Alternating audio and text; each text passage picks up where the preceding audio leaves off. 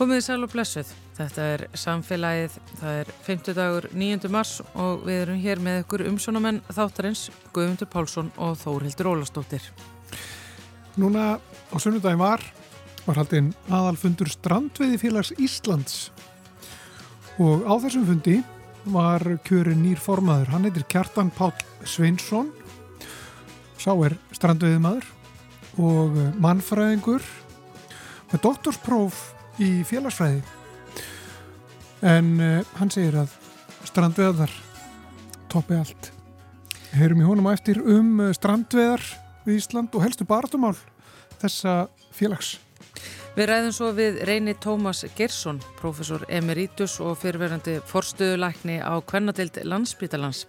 En hann á samt fleirum lagðist yfir gögna á Íslandi um mæðuradauða og tók saman yfirlitt sem næri yfir 40 ár. Maðuradauði er sem betur fyrir ekki algengur á Íslandi, að vandamál viða um heim, en þessi gögn gef okkur hins vegar mikilvægar upplýsingar um hvernig og hvar má gera betur meðal annars þegar kemur að maðuravernd og stuðningi við konur.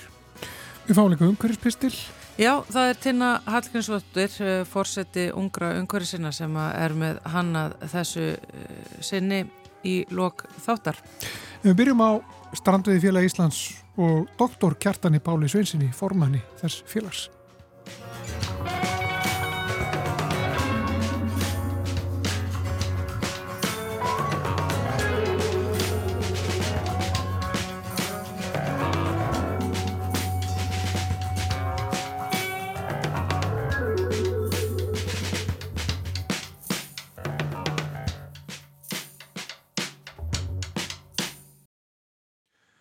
Núna sunnudaginn var haldinn aðalfundur Strandveiði félags Íslands og þetta er til dæla nýtt félag, árskamalt félag og þar var nýr formaður kjörin Kjartan Pál Sveinsson og við erum komin í samband við hann hér. Kondur sæl Kjartan? Já, sællastu. Þetta er til dæla nýtt félag, ekki sett? Jú, jú, þetta var stopnað sem sagt fyrir, já, rétt rúmi árið síðan 5. 5. mars uh, á síðast ári. Þannig að, jú, við erum bara svona tiltöla, ungt félag. Já, og fyrir hvað stendur Strandauði félag Íslands? Það er náttúrulega leikur svolítið í, í heiti félagsins, uh, hver, hver hagsmunnindur eru og, og, og, og svona hver, uh, hver fókusin er í þessu félagi?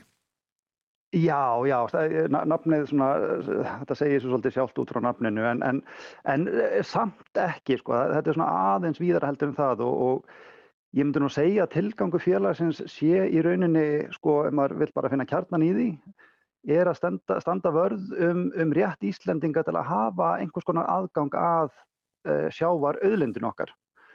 Og, og, og kannski þá að, að vinna að einhvers konar mannsæmandi strandveði kerfi sem að, sem að fólk getur þá lifað á.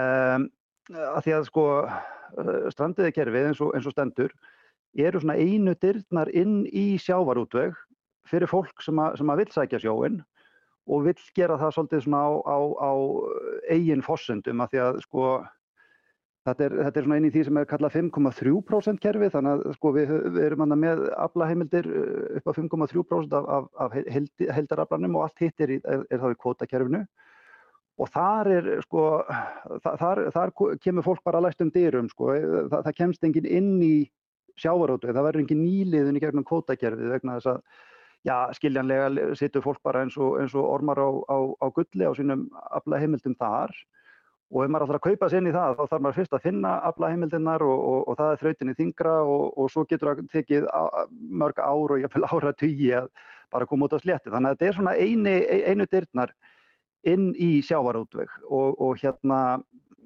og já, við, við erum svona að, að, að, að reyna að viðhalda því að það sé einhver leið fyrir fólk, einhver, einhvers konar aðgangur af auðlendinu okkar. Já.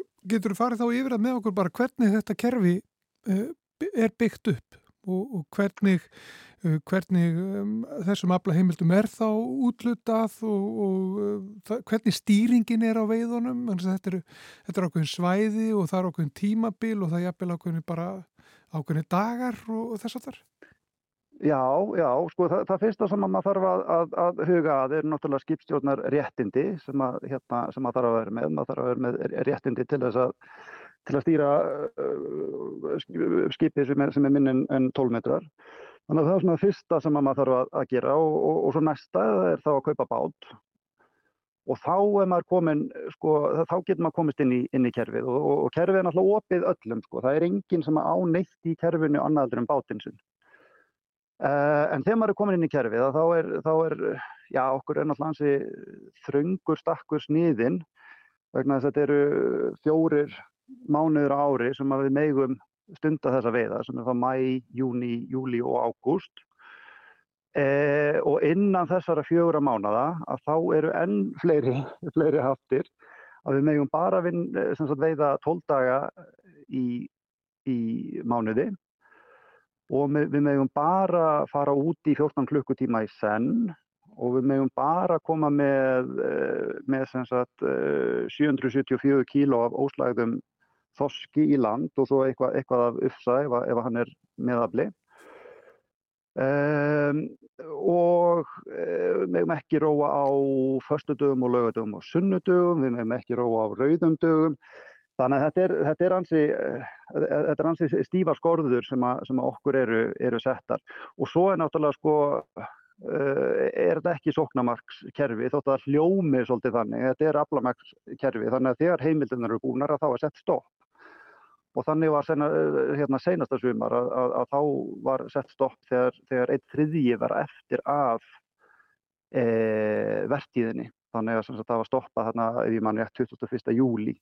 Já. Þannig að þetta er, þetta er, hérna, þetta er, þetta er gott kerfi að, að, að mörguleiti en, en, hérna, en það, það, það má gera ansi margt til, a, til, a, til að bæta það. Mm. En þá, þá er þetta er þannig að þessi 5, hvað var það, 5,3% sem þú nefndir aðan? Ha,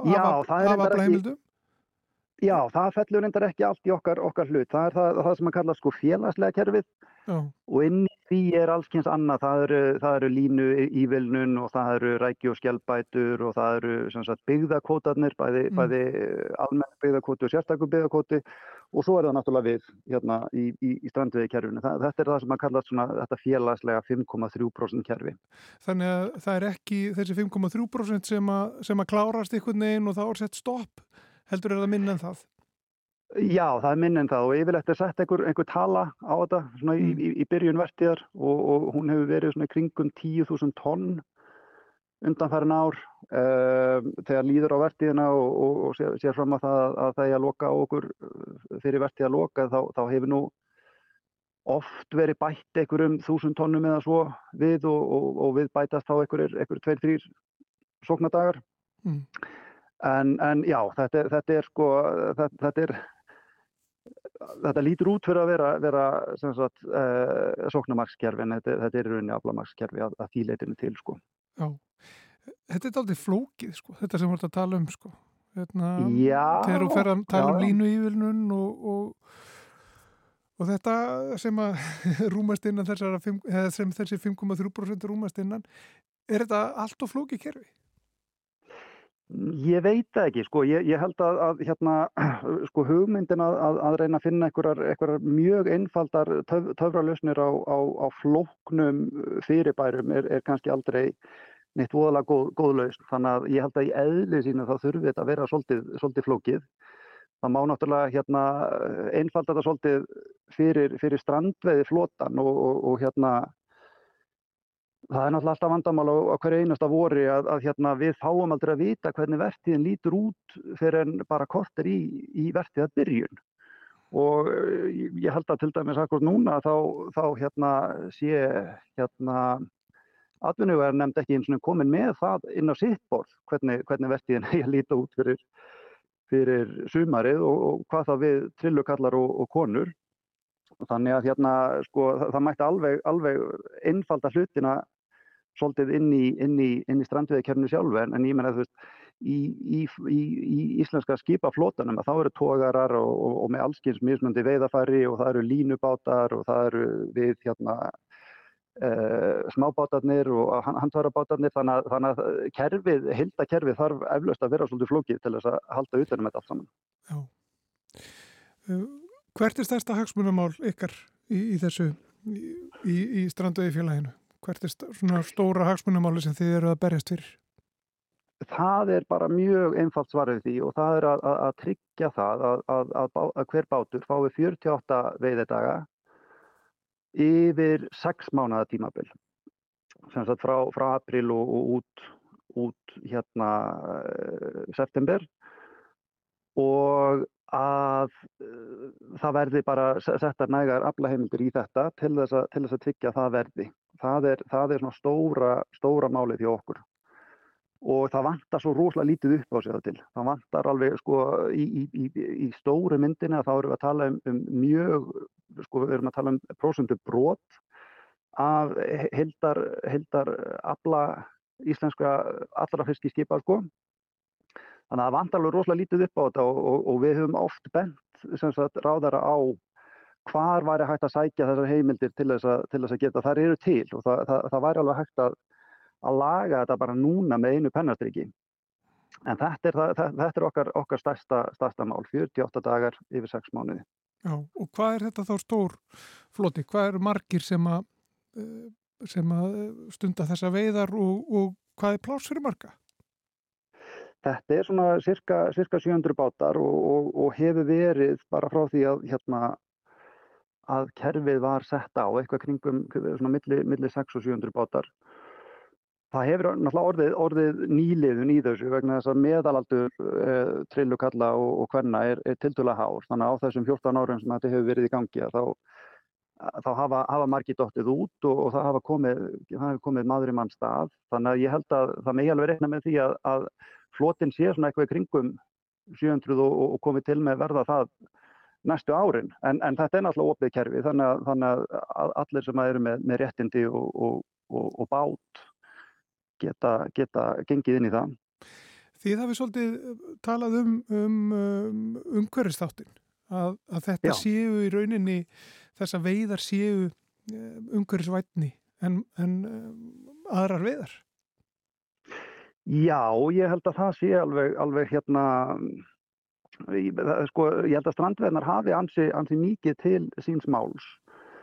Og ég held að það sé full ástæða til þess að, til þess að festa strandveðnar betur í sessi enda, enda er það það vil oft verða svolítið svona kostningalofórtsmál hjá, hjá ymsum flokkum að það verðist lúka svolítið vel og, og hérna það að festa strandveðnar í sessi en sko, jújú, jú, þetta eru umhverfisvænustu veiðarnar og, og hérna og ég menna þetta er náttúrulega, þú veist, við erum að skaka, þetta, það, er veiðaðferðin okkar, það er skak og, og, og þetta er náttúrulega forn veiðaðferð sem hefur verið stundu við Íslands strendur alveg svo öldum skiptir.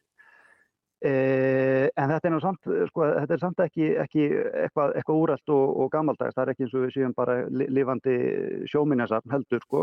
Við erum ekki bara fortíðin, við erum líka framtíðin og maður sér það svolítið á því að, að, að hvað það er mikil eftirspurn eftir uh, okkar vöru á, á, á mörguðum.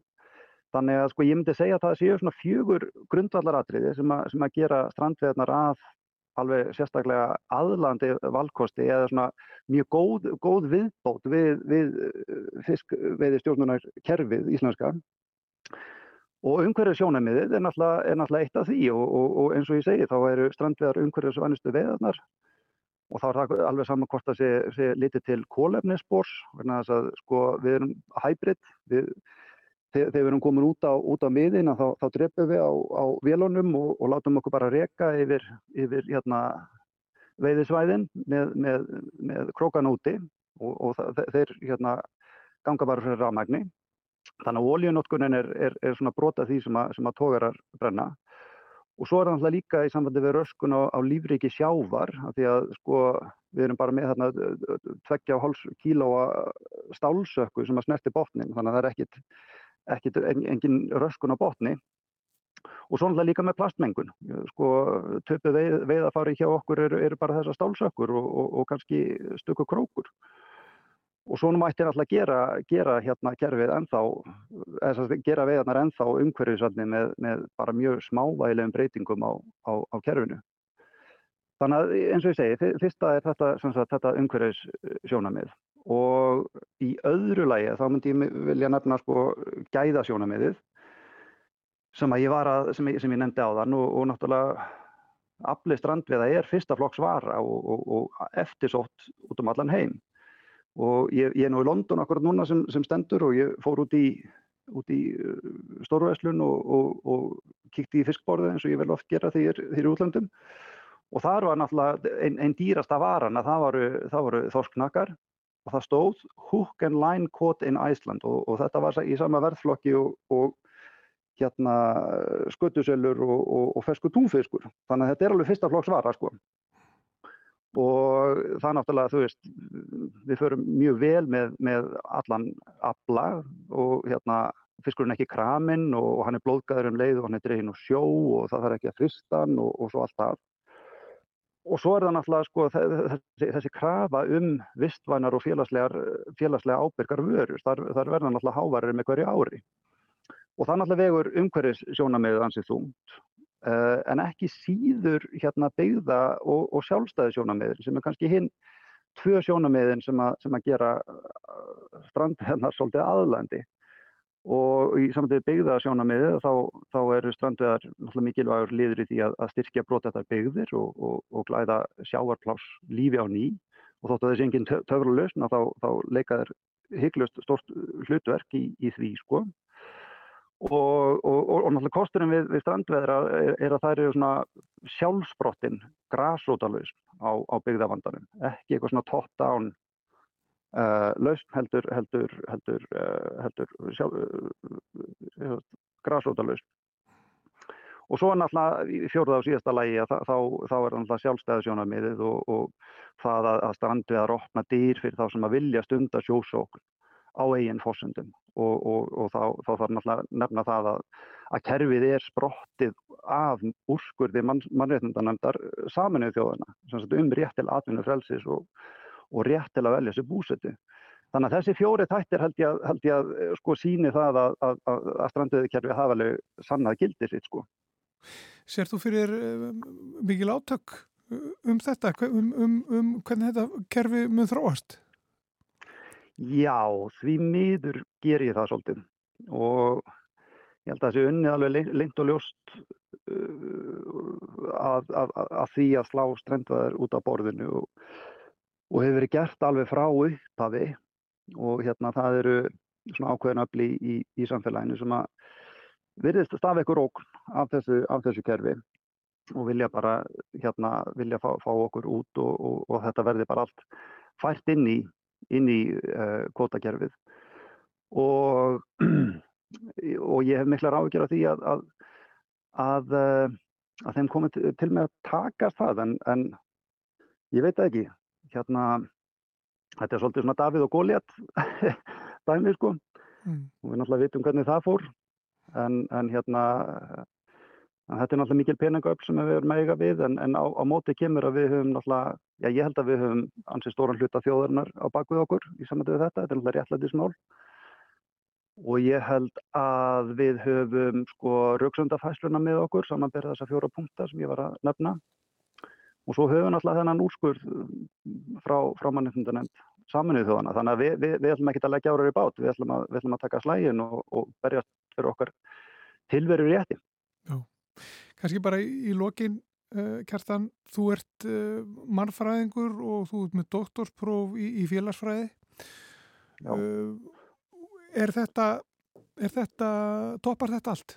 Stannandu það þar? Já, já, toppar þetta toppar allt. toppar það vísindarsamfélagið og, og, og, og greinaskrifin og fundarhaldin og allt saman. Já, ég, ég var nú sko, það, það fór nú að renna á mig tvær grímur eftir ég kláraði doktorsprófið mitt 2015 og ég fór að hugsa með mér byttu nú við þegar ég að fara að eyða restin af æfinni fyrir saman tölvurskjá og, og inn á skrifstofi og, og ég mér fröði svolítið hugur við þá tilhugsun. Og ég er náttúrulega ólst upp já, já, að, að, að miklu leiti hjá afa minnum á, á gráslöpu á, á breyðaferði, gráslöpu og, og æðabúskap Þannig að þetta er eitthvað sem ég ólst upp með og, og hefur alltaf blundað í mér. Og maður alltaf langað á sjóin og svo, og svo bara opnast þetta tækifæri þarna með, með tilkomu strandveðikerfisins og allt í einu er þarna bara opnun og, og ég er alltaf bara tek mér smá tíma að, að, að hugsa það mál og, og svo bara skelli mér í það. Þannig að en með, náttúrulega með þessu kjöri í, í forman að það var ég komin aftur fyrir hölfurskjáin að, að skrifa greinar og, og hérna bregðast við þing, þingsáleitunum og, og, og ég veit ekki hvað. Og halda fundi. Og halda fundi á Zoom, jú, jú, akkurat. En, en, en hérna, en ég, sko, þetta, þetta strandvegi kerfi, kerfinu var bara komið á með baráttu og eh, því verður bara viðhaldið með baráttu Ég, ég, ég sé það alveg. Þannig að sko ef, ef, við, ef við gerum ekkert ef, ef við höldum bara að, að þetta sé bara sjálfsögða hlutur þá, þá verður þetta tekið af okkur. Og, og ég vil bara leggja mitt lóð á, á vogaskálanar að, að það gerist ekki. Mitt. Kertan Pál Sveinsson uh, formaður Strandveði félags Íslands nýkjörinn uh, til hafmyggjum með það kjör og, og takk fyrir þetta spjall. Já, takk sem leiðis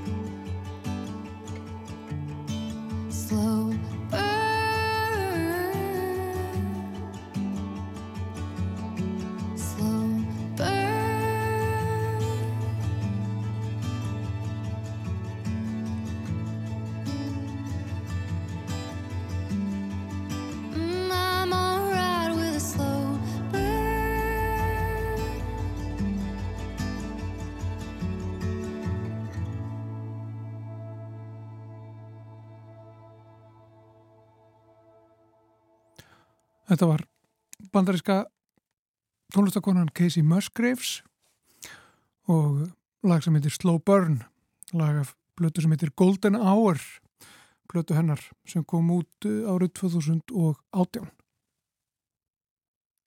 Við ætlum að rína í rannsókn á mæðradauða á Íslandi en þó mæðradauði sé sem betur fer með því lagsta sem þekkist í heiminum hér á landi þá gerist svona nokkuð enga síður og uh, nokkru sérfræðingar hafa lagst yfir gögn sem ná yfir 40 ára tímabil og skoðað hvert tilfelli fyrir sig. Það er uh, reynir Tómas Geirsson, fyrirverðandi profesor og forstuðulagnir á Kvennadelt landsbítalans sem er einn og helsti sérfræðingurinn sem stóða þessari rannsókn og hann er sestur hérna hjá mér. Sælvertur reynir. Sæl. Uh, byrjaðu kannski á að fara yfir með okkur hlustundum hver tilgangur þessarar rannsóknar uh, er. Við höfðum gagnur fyrir rannsóknum frá 1911 eða svo og reyndar sögulega gagn okkur að auki sem náðu svo fram til 1975 og það var gap frá 1975 þar sem uh, tilvík maðuradauða eins og þau eru skilgreind í dag hafði ekki verið nægilega vel skoðuð. Við, við ma maðuradauða rannsóknir þá er miða við allar konur sem að degja á árinu eftir að þær voru í þungun eða voru þungaðar Kort sem þar að þetta var snemþungun sem endaði með fósturláti eða segjum utanægstikt eða þungunarrofi eða uh, þungun sem gekk lengra og endaði til dæmis þá í fæðingu. Já. Allar konur sem að missa uh, lífið á uh, tímanum upp að einu ári eftir svona þungun. Það eru reiknaðar inn í þessa stöðluðu tölu frá alþjóða heilbríðismálastofnunni og öðrum stofnunum í Evrópu og þá er alltaf miða við 100.000 fæðingar. Og uh, það tekur okkur nú hér á Íslandi um það byrj 25 ára láta 100.000 bætt fæðast. Svo sko það er svona það má gera yfirlit á 10 til 25 ára fresti svona svona þessi raunhæft. En þarna var komið alltaf gap og við erum að reyna að loka því með því að fara vandlega yfir gögnin. Já, og þið skoðið þá í rauninni hvert tilfelli fyrir sig og það náttúrulega kemur í ljós að þetta eru náttúrulega þau eru ólík og mörg og alls konar. Já, við, við förum þannig að þessu, gerðum það í þessar rannsókn að fá lista frá hagstofinni yfir allar konur sem að dó á aldrinum 15 til 49 ára. Voru til auðvitað konur sem voru aðeins yngri en 15 ára sem eruð þungaðar og eldri en 50 en við vitum ekki til þess að neyn kona og svolítið sápi að við dáið Mm -hmm. og svo bárum við þetta saman við dánar meina skrá og vistunarskrár spítalans og svo þurftum við að leita mjög mikið í skýrslum og öðrum gögnum um það hvað gerðist. Jafnvel í minningagreinum og dánartilkynningum þurftum við að fara sko, til þess að sjá uh, tengslinn á milli döðsfalls og mögulegar þungunar. Já, já, þannig að þetta er ekki alltaf verið kannski alveg augljós skráning. Nei, það eina sem að menn gerðu var að vita um konu sem klárlega sko dói í kjálfar meðgöngu og fæðingar. Já. Þær voru fáar. Til þess að gera það voru líka talsveit fleiri konu sem dó aðeins setna og jafnvel upp að einu ári Já, já. úr öðrum fylgjikvillum þungunar. Já. Og svo líka ótengdum fylgjikvillum þungunar er það ekki? Ég svo, sko, þegar maður skoðar uh, þess, þennan, þennan hóp kvenna, þá eru fáeinar, þar voru nú ekki nema 6 á 40 árum hjá okkur, sem dóu beint í afle, sem afleiðing af uh, þungunni. Já. Urðu veikar nálat fæðingu eða í fæðingunni eða á þungunni og það var þungunin sem að fór með þar bara. Já.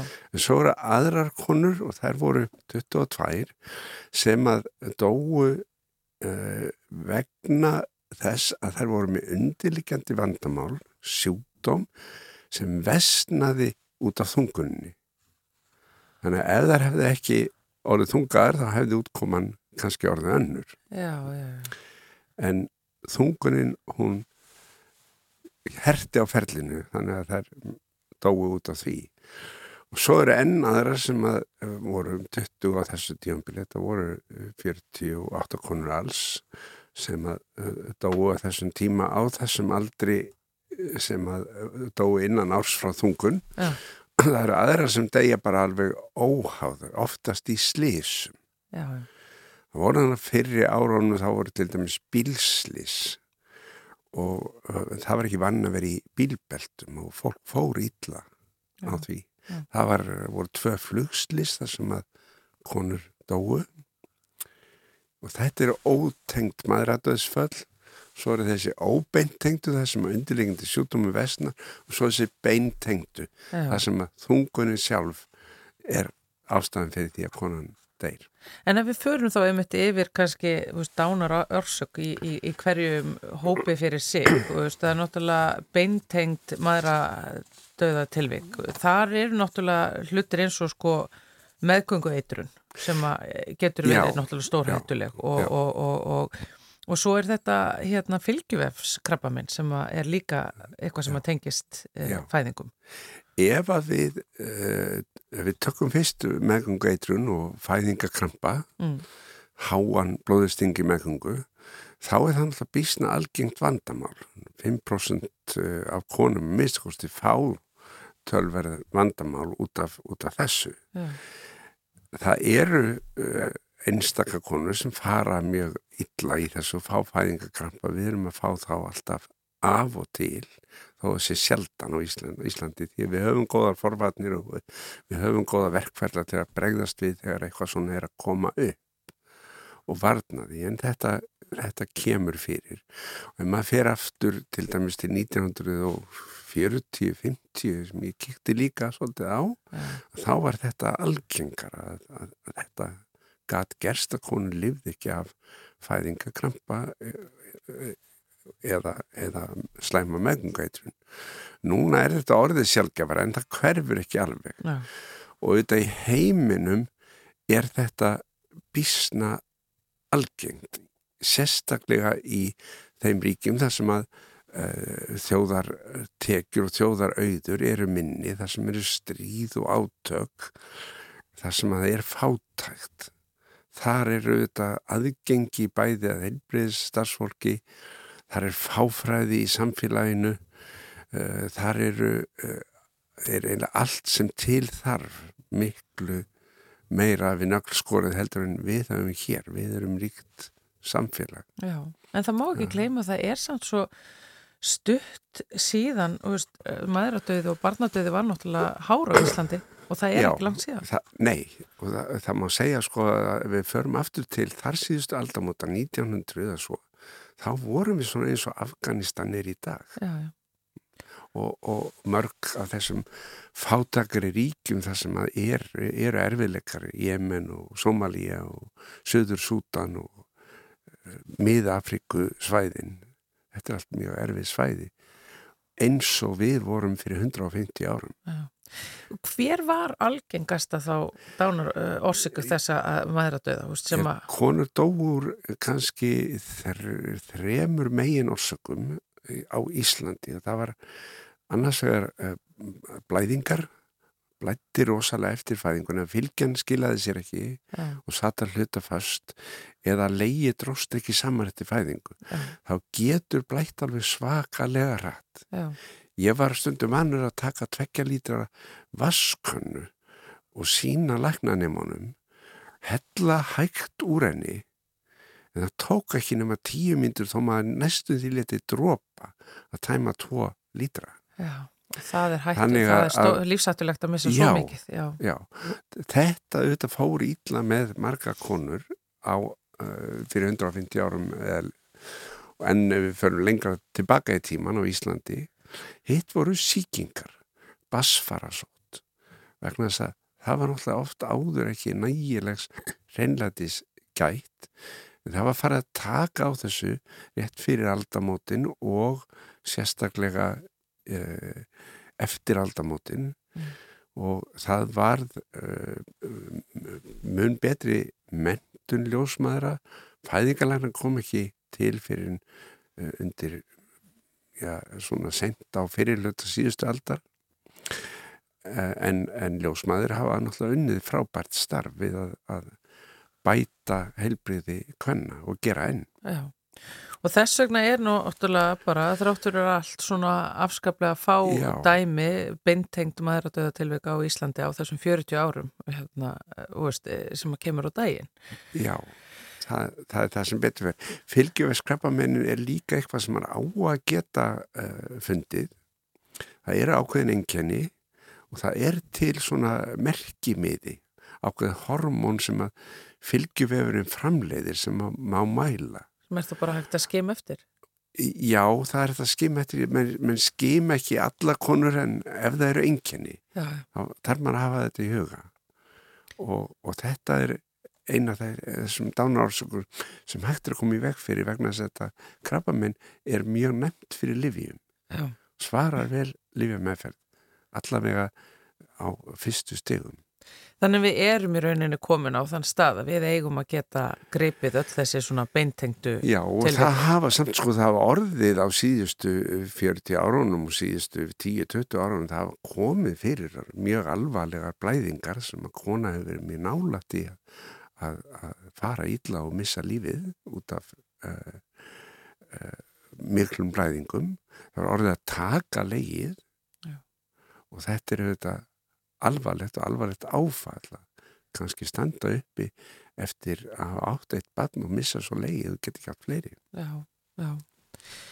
En eh, sko það er nefnilega maður eiginlega svona eh, dettur meira neyður í þessu óbeindu, óbeinu tilvik og, og, og, hérna, og síðan bara svona almenn döðsvöld hvenna sem að deyja innan eh, við ári eftir að þær eru þungaðar Já.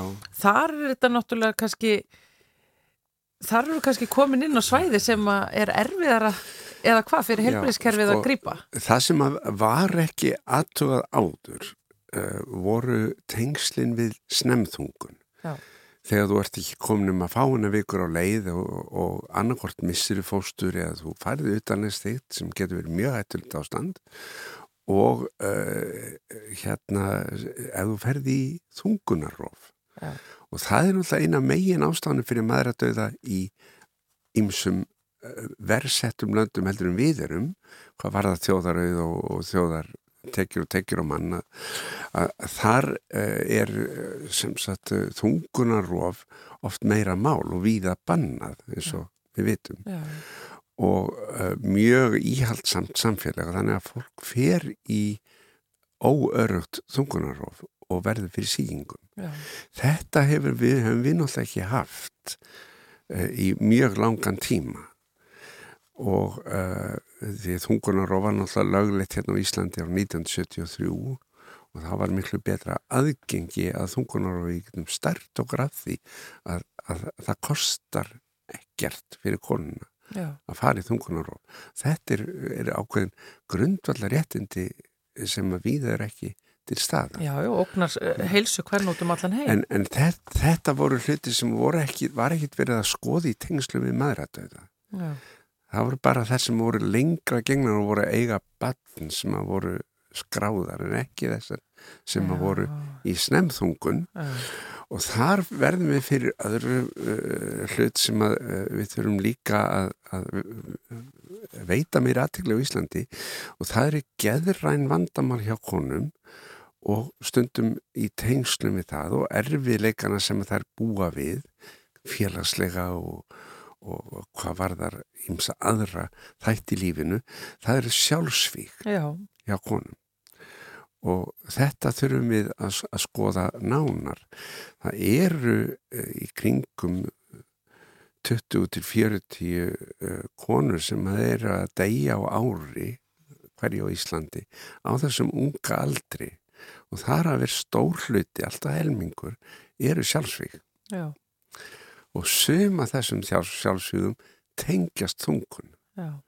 Þú ert kannski búin að þurfa að fara gegn þungunarof, þú hefur mist þann sem að þú uh, varst tengd eða með eða þinn þinn eh, kærasta eða, eða sambílismann eða eitthvað svona, eitthvað farið úr skeiðis og ákveður að lífið sé ekki þess verið að lifa ja. og við þurfum að eh, beita ákveðnum forvörnum í þessu saminuð þjóðnar og alltaf heilbríðismálastofnun hafa bent á það að það eru ímus úrræði í samfélaginu sem þarf að styrkja til þess að minga áhættuna á að fólk fari í þetta erfiða úrræði að taka sitt eigi líf. Já, og það er þá einmitt kannski það sem að blasir þá við úr þessum hópi að það er að, að, að við þurfum þá að beina í auknum mæli uh, sjónum að andlegri hilsu hvenna á barsegnaraldri og Já. þeirra sem að veist, verða þungaðar. Ég held Hvernig... að það sé nöðsilegt að gera það á, á, á Íslandi og, og ebla uh, þær uh, leiðir sem við höfum til að fást bæði finna konurnar sem eru í viðkvæmni stöðu og aðstofa þar. Já. Sko, er hægt að þá komast einmitt að þeirri niðurstöðu bara úr þessari rannsókna? Þetta segir okkur þessa sögu. Já, það er eina niðurstöðunum er það já. Aða niðurstöðun er að við standum vel. Þetta eru fáar konur á Íslandi. Eh, það erum eh, soldið að herri heldur en að tölurnar ofinberu gáðu til kynna sem voru byggðar einlega bara á konur sem voru í landgenginni þungun. Já, já en við erum samt með því allra besta sem sést. Uh, auðvitað er alltaf erfitt að sko vinna með svona litlar tölur eins og við höfum. En við höfum nefnilega sko við fækt, barningnum hefur fækkað í Íslandi, það er eiginlega stað á, í stað í 40 ár. Það er kringum 4500 til 5000 barnignir á Íslandi á hverja ári. Já. þannig að barningnum á hverja konu hefur fækkað. En konunum hefur fjölkað talsvert ja. Mm. sem segir okkur að við erum uh, með uh, gott helbriðskerfi á bakvið þetta og það við skulum ekki hafa mist konu í tengslu við svæfingar eða deyfingar uh, eða utanastiktir asablaðingar í 40 ár næstu því sko, það er svakalega fín árangur fyrir okkur hér á Íslandi ja. en það eru aðrir þættir eins og geð vandamál og ákveðin félagsleg vandamál og í tengslu við það sjálfsvíg sem við þurfum að, að skoða betur. Já. Reynir Tómas Gersson, fyrirvenandi profesor og forstuðlagnir á Kvannandild landsbytjarlands. Takk hérlega fyrir að fara yfir þetta með okkur og það er hægt að glöggva sig betur á þessari rannsókn í nýjasta tímariti læknablaðsins hvert fólk til þess að kíkja á þetta. Takk fyrir komuna, Reynir Tómas. Sumleðis, takk.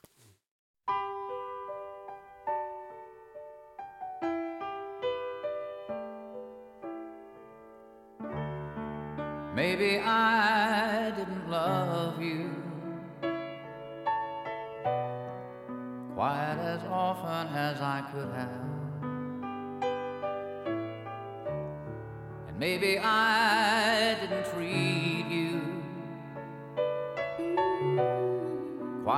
good as I should have. If I made you feel second best, you did, you did. Girl, I'm sorry I was blind. You were always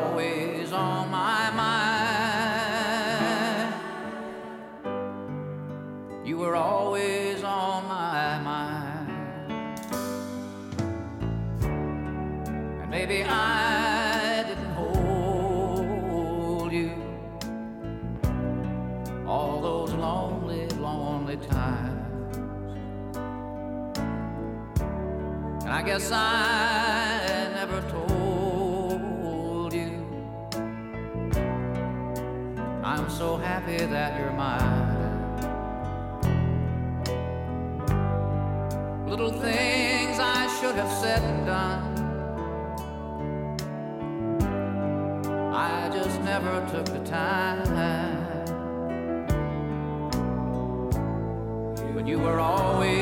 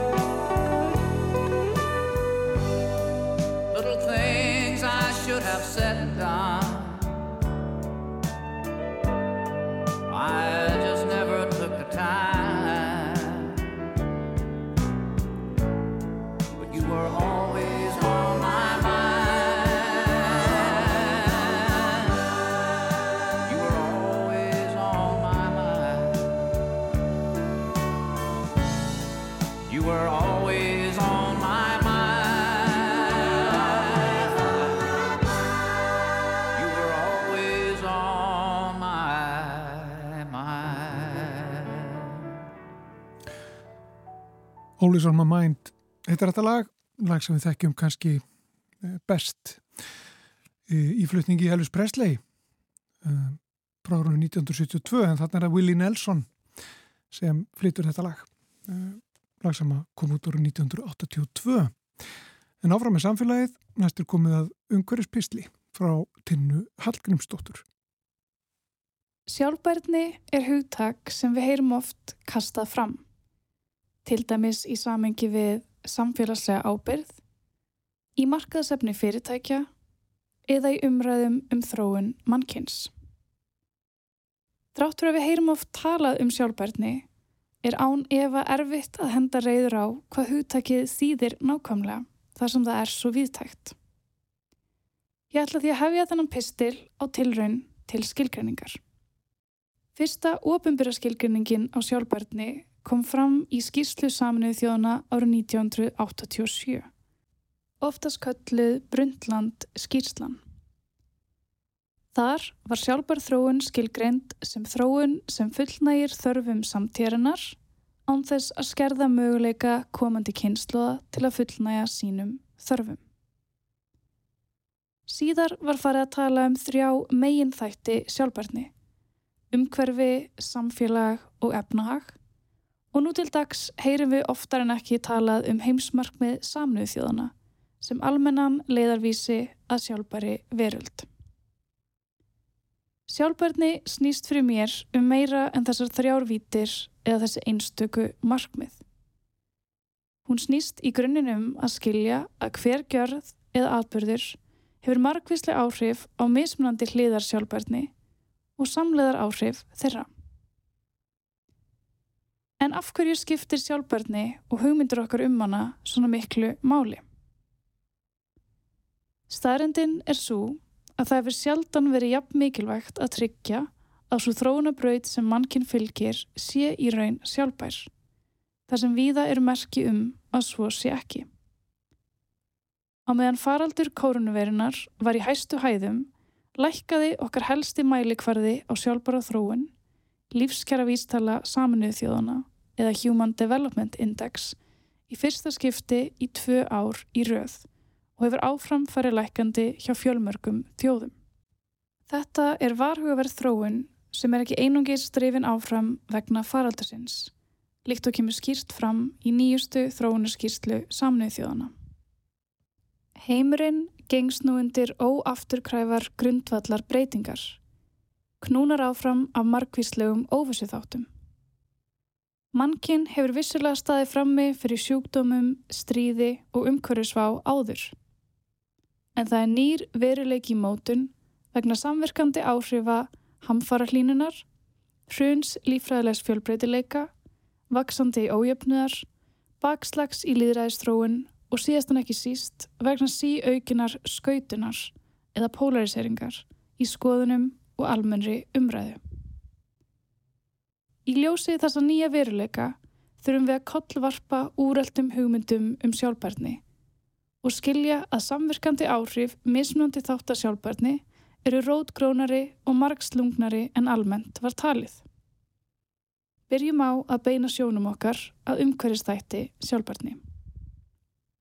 Sjálfbær þróun hefur lengi verið hugsuð í sílóum, sett fram sem framþróun mannkins, félagsleg eða efnaðsleg, sem reynd er að knýja áfram eftir bestu getu með sem minnstum neikvæðum áhrifum á umhverfið, þrátt fyrir þær takmarkanir sem náttúrann setur okkur.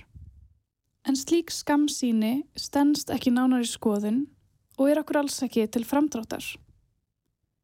Í stað þess að einblýna á allsnæktir náttúrunar og það sem hún hefur upp á bjóða, sjáum við hana sem hindrun eða eitthvað til að sigrast á til að ná okkar fram. Þetta hugafar hefur lengi verið ráðandi í hennum vestrana heimi og kemur hvað skýrast fram í ekki ómerkara riti en fyrstu Mósebók. Þar segir að þegar Guð lauk við að skapa mannin í sinni mynd, fyrirskipaðan honum að drotna yfir jörðinni allri og þeim dýrum sem þar hrærast. En ef við hugsum einungisum að gera jörðina undirgefna okkur, töpum við skilningi á því að náttúran vinnur með okkur og við erum hluti af henni. Þegar við gefum til hennar, gefur hún margfald tilbaka. Með því að hjálpa náttúrunni erum við því að hjálpa okkur sjálfum. Drátt fyrir að slíkur hugsunarháttur eigi oftar upp á pallborði í dag en áður, verðist breytt viðþór til náttúrunar ekki endurspeglast í gjörðum okkar. Þetta kristallaðist í orðum aðarritara samnið þjóðana, Antonio Guterres, sem heldur því fram að mannkinn hegin úr stríð gegn náttúrunni í ljósi aðgerðaleysis í umhverfismálum. En þegar við áttum okkur á því hversu háð við erum náttúrunni, verður augljóst að umrætt stríð hegin við ekki síst gegn okkur sjálfum. Það sorglegast af öllu er þó að sá hluti mannkinn sem er í hvað viðkomasti stöðu fyrir er í fremstu výlinu. Og þá komum við að öðrum megin þætti sjálfbarni hinnum félagslega og hvernig hann fléttast inn í hinna tvo. Félagsleg og náttúruleg kerfi er ekki einungis háð hvert öðru og samverkandi, heldur beinlinis innbyggð hvort í annað, líkt og kemur fram í fyrrnemndri þróunarskíslu samnið þjóðana. Þetta á sér margar byrtingamindir. Til dæmis er sterk tenging millir samfélagslegs ójöfnuðar og neikværa umhverfisáhrifa. Ójöfnuður innan og millir landa sem á sig djúpa rætur í nýlendustefnu og kynþáttafórdumum, gerir það verkum að fólk sem á meira, nýtir og ofnýtir gæði náttúrunar, meðan þau sem minna hafa verða fyrir þeim neikvæðu áhrifum sem að því hljótast. Þetta dregur enn frekar úr tækifærum fólks í viðkvæmi stöðu og getur þeirra til að vinna sig upp úr henni. Tengsl náttúrulegra og félagsleira kerfa Virtast okkur einnig þegar hlínandi hitastig dregur úr framleiðni vinnuafls og eigur dánartíðni. Slíkar breytingar lenda hvað verst á lág- og millitekjulöndum og dragar úr viðnámsstrótti og aðlögunarhæfni þeirra gagast hamfara hlínun og hruni lífræðilegs fjölbreytileika. Víkslverkandi áhrif auka þannig hraða og umfang þeirra ógna sem stæðja að okkar náttúrulegu og félagslegu kerfum. Með öðrum orðum festumst við í vítarhing þróunar sem getur engjum veginn talist sjálfbær. En hvernig kemur svo einn efnarslegi þáttur sjálfbærni inn í þetta allt saman? Stærendin er svo að efnarslegu rauk hafa í gegnum tíðina verið nótuð til að tala gegn samfélagslegum úrbótum eða umhverjusækjörðum. Slíkt viðþorf kristallæðist til dæmis í orðræðu Nóbersvölunahafans og hagfræðingsins William Nordhaus á áttunda áratögnum. Nordhaus í fram að ekki eftir að fórna hagvexti í þeim tilgangi að takast á við lofstafsbreytingar, þar sem neikvæð efnaðsleg áhrif vegna lofstafsbreytinga væri ekki nægilega mikil. Ófullnægandi lofslagsaðgerðir öðluðist hann í réttlætingu með hagfræðanlegum rökum. Afstæða Nordhaus linaðist þó með árunum, en það var slíkar kenningar lungu verið afstannar. Það þarf ekki að líta lengra en í nýjustu, það er að segja sjöttu stöðuskíslu milliríkinemndar samnið þjóðana um lostasbreytingar. Þar kemur fram að þær aðgerðir sem þarf til að takmarka nattuna hlínun við tvær gráður munu einungi straga lítið úr hagvexti. En þar með ekki öll sagan sögð. Með því að taka einning með reikningin þann fjöld þetta ávinning sem hlýst af lostasækjurum verður útkoman efnaðslegur ávinningur og betri lífskeiði. Við veitum einnig að kostnæður við aðgerðir mun einungis hækka eftir sem við býðum lengur með framkvæmdera. Dýrasta aðgerðin er því aðgerða leysi. Þessi samtvinnun félagslegra, umkörfis og efnaðslegra þáttasjálfbærni sínir okkur að það er ekki hægt að etja einni hlið sjálfbærni móti annari. Það er þörf á heildrætni sín. Til dæmis er ekki bóði að taka tvö skrif áfram í efnaðsmálum en á sama tíma eitt tilbaka í félags- eða umhverfismálum. Slík vegferð stefnir okkur ekki átt að sjálfbæri framtíð. Einu framtíðinni sem tryggir stöðuleika samfélag okkar til lengri tíma. En aukinn skilningur og sjálfbærni ber okkur einungis hálfa leið. Við verðum líka að vera tilbúin að berjast fyrir henni.